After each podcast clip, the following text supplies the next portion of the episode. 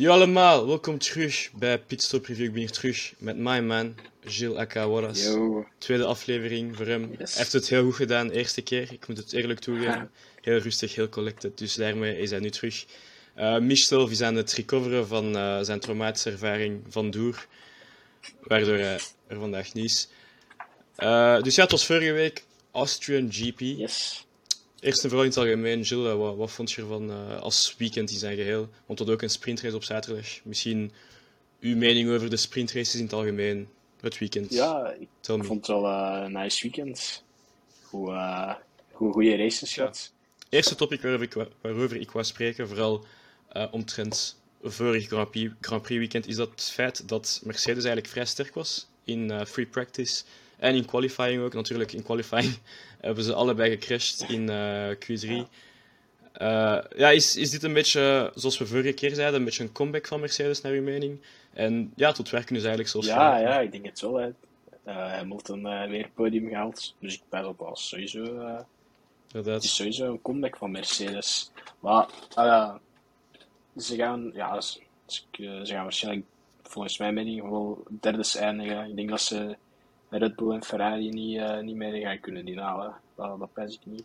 Maar als ze Mhm. gewoon zo blijven voortdoen, dan, eh, dan zullen ze derde worden in de Constructor, Constructor Championship. Ja, En eh, ja, George Russell en eh, Hamilton, allebei ook gewoon geweldig geraced. Vond ik eh sowieso. eh, het weekend. Dus. Vorig weekend. dat, is, dat is altijd moeilijk als er zo een week tussen Ja, zit, vind ik. ja. Eh, ik breng de video's ook liever uit eh, het- de dag erna of zo. Ja. Dus ja, nee, eh, dus ik ga sowieso akkoord met je, want het is sowieso de top 3 dat echt een voorsprong heeft op de rest. Eh, ik denk niet dat McLaren zo'n on ongelooflijke comeback kan maken dat ze dan zelfs close komen bij Mercedes. Maar als ik, eh, ik ben hier even aan het zien, want het is wel interessant dat je zegt van dat die derdes gaan eindigen naar je mening. Want als ik zie in de driver standings staat Russell op 5 punten van Car- Carlos Sainz. Hoewel dat hij Mercedes zo'n slecht begin had. Eh, dus aangezien er toch nog 11 races eh, zijn, zou me het wel niet verbazen als, als, nee, maar als, als Ferrari het eigenlijk zo blijft opfokken, als er altijd maar een wagen uitvalt. Ja, wie weet kan het dan echt een super teleurstellend jaar zijn voor Ferrari en als ze dan toch weer derdes eindigen. Dat zou. Ik zeg het, het verschil is eigenlijk niet zo groot. Ik, ik ben hier aan het zien voor de constructors eh, ik heb het hier ook. standings. Ja, het is, je, hebt, je hebt gelijk eigenlijk, inderdaad. Ik wist niet dat Mercedes ook zo, eigenlijk ook zo redelijk close stond bij Ferrari. Ik dacht dat ze eh, mi- minder punten hadden. Ja, ja, ja. Maar inderdaad, als Ferrari het blijft, eh, blijft opfokken, dan, eh, ja, dan, dan, Ja, dan ze, is je wel gelijk. Ja. Dat had ik niet gezien. Hm. ze, ze staan een ja, goed eh afgerond 70 punten achter. Ja. Mercedes, dat is eigenlijk niet enorm veel. Eh, maar natuurlijk, we mogen wel niet vergeten dat Ferrari echt wel de pace heeft, echt on the one lap. En we hebben eigenlijk, ik vond qua race pace, vond ik Ferrari eigenlijk zoals het snelst. eh, vorig weekend, zelfs sneller dan Red Bull, heb dat gezien. Carlos Sainz die dan heel close komt bij, bij Verstappen op een moment, totdat zijn auto gewoon in de fik schiet. Ehm, maar het ding is, het het is eigenlijk nog zo lang, want ik, ik heb het eigenlijk vorige keer ook al gezegd. Als je ziet hoe dat het is gestart en hoe dominant Ferrari was, en als je nu ziet dat eigenlijk Mercedes zelfs niet zoveel achter staat, ja, dat is gewoon een teken dat het seizoen nog zoveel richtingen kan uitgaan. Ik zeg niet dat Mercedes sowieso tweede gaat eindigen, maar we zouden dat team misschien niet moeten onderschatten, eh zelfs om die tweede plaats te halen eigenlijk. Want zij hebben nooit een, een failure gehad, zij hebben nooit een betrouwbaarheidsprobleem gehad. En Ferrari heeft dat zo vaak opnieuw en opnieuw gehad. En dat zijn altijd 18 à 25 punten dat je toch wel laat liggen. Mhm. Dus, eh, maar ik had hier, eh, een van de topics was eh, Ferrari weer niet betrouwbaar. Zoals ik zei, ze hadden wel een heel goede pace vorig weekend in Oostenrijk. Maar ja, ten eerste Carlos Sainz die dan een, wat was het, zoals een mechanisch probleem heeft. Zijn auto in de fik trouwens. Dat was heel scary om te zien dat hij niet kon remmen. En dat niemand eigenlijk bij hem kwam om, om, om eh, het vuur uit te zetten en zo. Ja, ik wil daar niet te diep op ingaan, want ik, ik weet ook zelfs niet wat de Marshall-regeling is en zo. Maar dan tegen het einde, eh, Leclerc had ook een probleem met zijn pedaal. Zijn pedaal kon was, bleef eigenlijk altijd ingedrukt, als ik me niet vergis. Dus het was altijd 10% ingedrukt, waardoor hij enorm veel understeer had. Dus eigenlijk zelfs nog impressive uiteindelijk dat, ook al het niet heel veel laps, dat hij het toch nog heeft gehaald en geen fout heeft gemaakt. Ja, ja. Hij, heeft dat, hij heeft dat goed volgehouden, want moest, uh, moest Leclerc daar ook uh, zijn uitgevallen, dan zou het echt uh, zeer triest geweest zijn voor Ferrari. Ja, dus, ja zoals, zoals jij zegt, Ferrari, het is elk weekend een beetje nagelbijten met wat dat gaat geven. Dus, dat is het ding, hè, want je, je, denkt van ze hebben een dominante wagen, Leclerc staat zo erg voor. Uh, maar dan altijd gebeurt er iets waardoor je zoiets hebt van ja, waar gaat het nu verkeerd lopen? En ik had een stat gezien dat ik had er eigenlijk niet bij stilgestaan, maar het was de eerste overwinning van Leclerc sinds, uh, sinds Australië. Wat ook al een tijdje geleden is. Dat, is allee, dat was redelijk in het begin van het seizoen en sindsdien heeft Leclerc geen race gewonnen. Nu, Opnieuw, dat wil niet zeggen dat hij niet wereldkampioen kan worden. Maar ik vond het wel... Het was wel een teken dat het al heel vaak was dat Ferrari het heeft opgefokt. Ik moet denken aan Monaco, vorig weekend, uh, Silverstone zelfs. Dus uh, ja, zoals we eigenlijk vorige week hebben gezegd, hè, het is, we hebben een georganiseerd team in Red Bull die er al is geweest de laatste jaren, die vooral vorig jaar heeft gevochten voor een, voor een championship. En Ferrari, ondanks de geschiedenis, is het toch een clownshow, om het zo te zeggen. Dus uh, nee, dat is sowieso uh, heel opmerkelijk. In het begin van de race was er uh, een incident tussen Perez en Russell. Ik denk, ja, het fameuze, de fameuze bocht waar er zoveel incidenten zijn geweest tussen Red Bull en Mercedes. Was het naar uw mening terecht dat Russell een 5-second penalty kreeg? Ja, ik, ik weet niet, dat vind ik echt moeilijk, want ik heb het nog eens opnieuw bekeken. En Pierre Gasly en uh, Vettel hebben exact hetzelfde voor gehad. Ja, ik ging... Dus ik weet niet hoe wie dat er in die bocht fout is of niet. Ik vind eigenlijk dat George Russell wel degelijk genoeg plaats heeft gelaten. Want het is niet dat hij Perez volledig van track heeft geduwd, dat niet. Dus Perez was mhm. nog met, met één band op de track. Dus misschien was het toch wel misschien Perez zijn schuld en te snel ingedraaid. Ja, ik vond misschien dat niet echt een, een, een 5 seconden penalty was. Uh, ik weet niet hoe dat die. Uh, die, re die regels zijn heel ja, vaag. Er is altijd een grijze zone sowieso. Dus dat is, dat is wel... daarop beoordelen, dat, ik weet dat gewoon niet. Ja, ik vind het ook wel moeilijk. Want ik vond wel, als je dat dan vergelijkt met het incident van, uh, van Vettel en, en Gasly, zij waren dan wel echt Wacht, het was... Ja, Gasly uh, heeft Vettel uh, off-track geduwd. Ja, dat was meer, ja. Maar ik vond dat... Ik, ik, vond dat, ik vond dat Gasly dan echt totaal niet even dicht zat bij die Apex.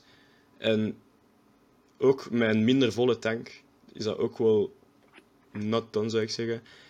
Mijn, mijn ding gewoon was, wanneer ik het dan opnieuw bekeek, als Perez zijnde, je weet gewoon dat er al zoveel incidenten zijn gebeurd en ik denk wel dat ja, Red Bull was sowieso wel sneller dan, dan Mercedes dat weekend. Dus waarom blijf je niet één bocht achter Russell om, om dan erna voorbij te steken of een lap later en zo?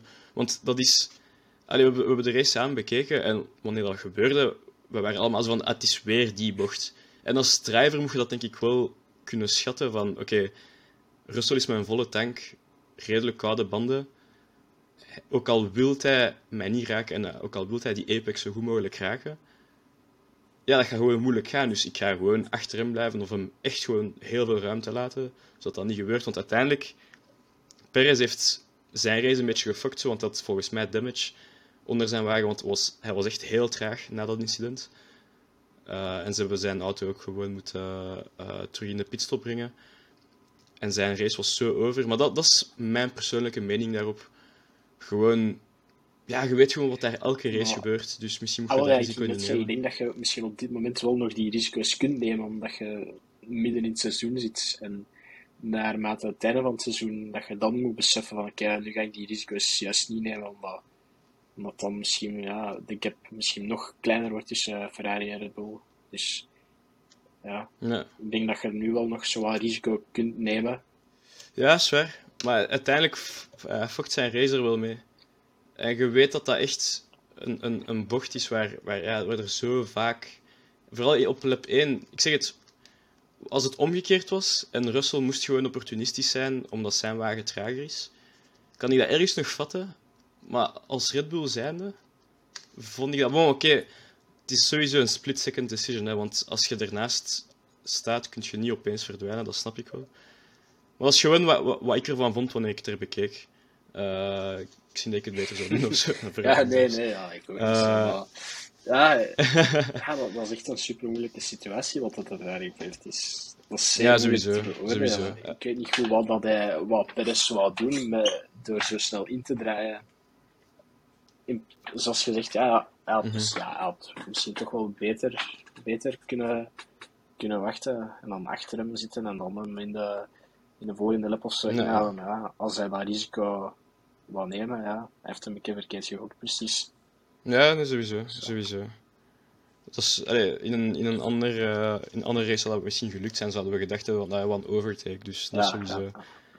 Ja. Uh, de volgende topic waarover ik het wou hebben was Mick Schumacher. Hij was ook driver of the day op zondag. Uh, ik vond zelfs zijn sprintrace heel sterk. Uh, die fight tegen Hamilton.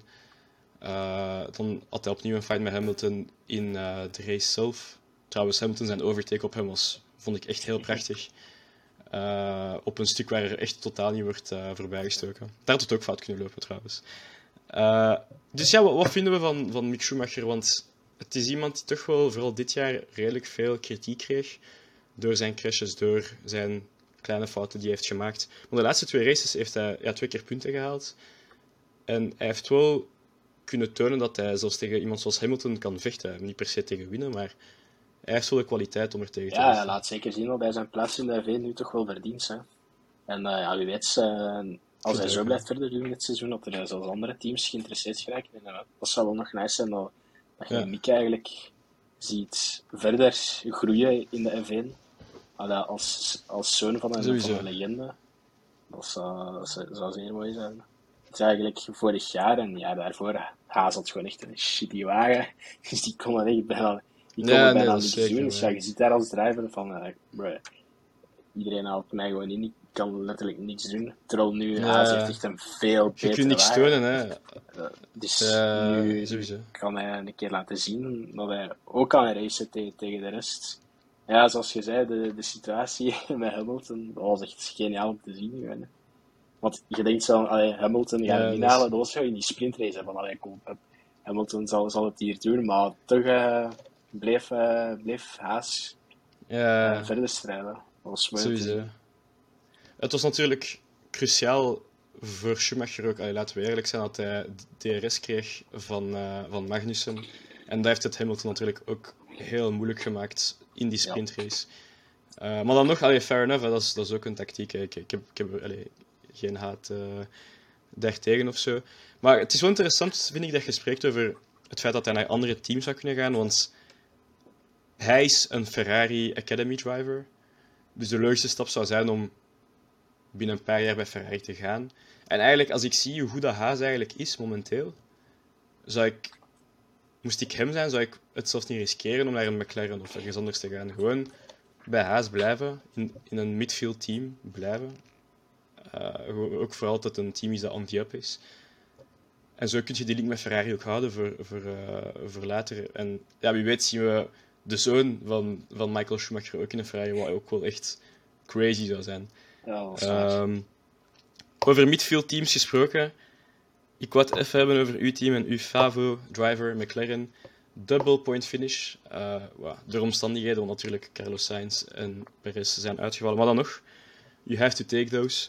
Ik vond dat Lennon Norris eigenlijk nog een redelijk goed weekend had. Vooral gezien de wagen die hij heeft. Hij heeft een paar goede battles gehad, zoals met Hamilton onder andere. Uh, ik wil het trouwens even hebben over dat moment waar er echt vijf wagens aan een bocht toe kwamen, juist ja. achter, achter elkaar. En dat was gewoon crazy om te zien. En vele allee, zeggen dat dat vooral kan dankzij de nieuwe racks die er zijn en het feit dat, dat auto's elkaar veel beter kunnen volgen. Dus dat is wel uh, echt wat op. Wat, wat vond je van uh, ja, Lando Norris of, of McLaren als, als geheel uh, dit weekend? Vorig weekend liever. Ja, super hè. Altijd positieve puntjes verzamelen. Ja, ja, en ja, Ricardo heeft ook goed gereden eigenlijk.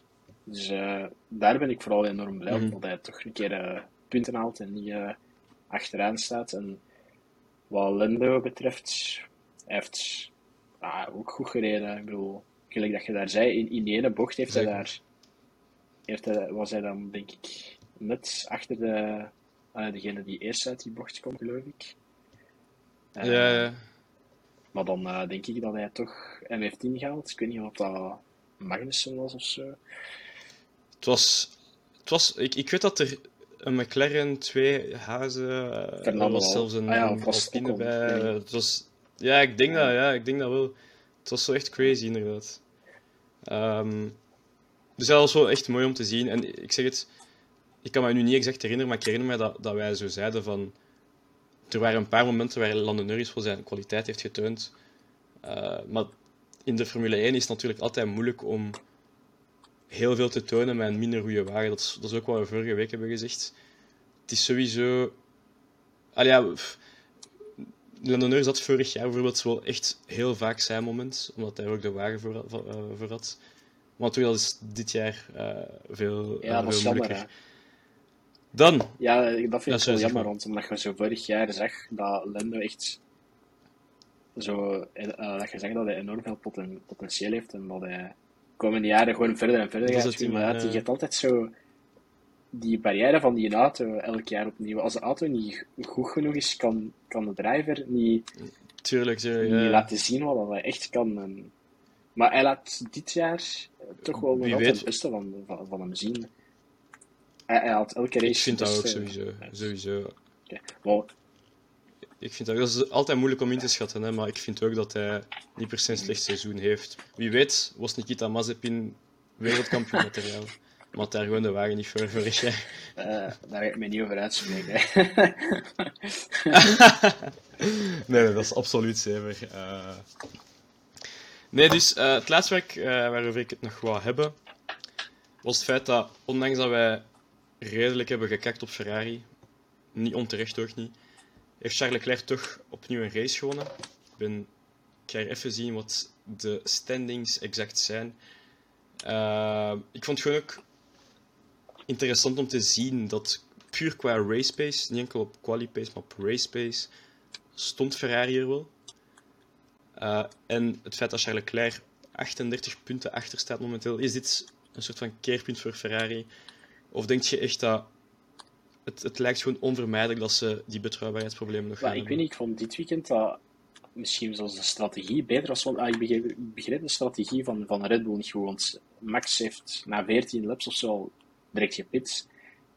Ja, Ja, dus- zo zie je. En dan, Blijkbaar, blijkbaar omdat zijn, zijn banden wel echt enorm snel aan het Ah, ja. degraden waren. ja, want dus dat is een dan lichte keus. waren we zo nog bezig tegen elkaar van hè, wat gaat de pit stra- strategy nu zijn?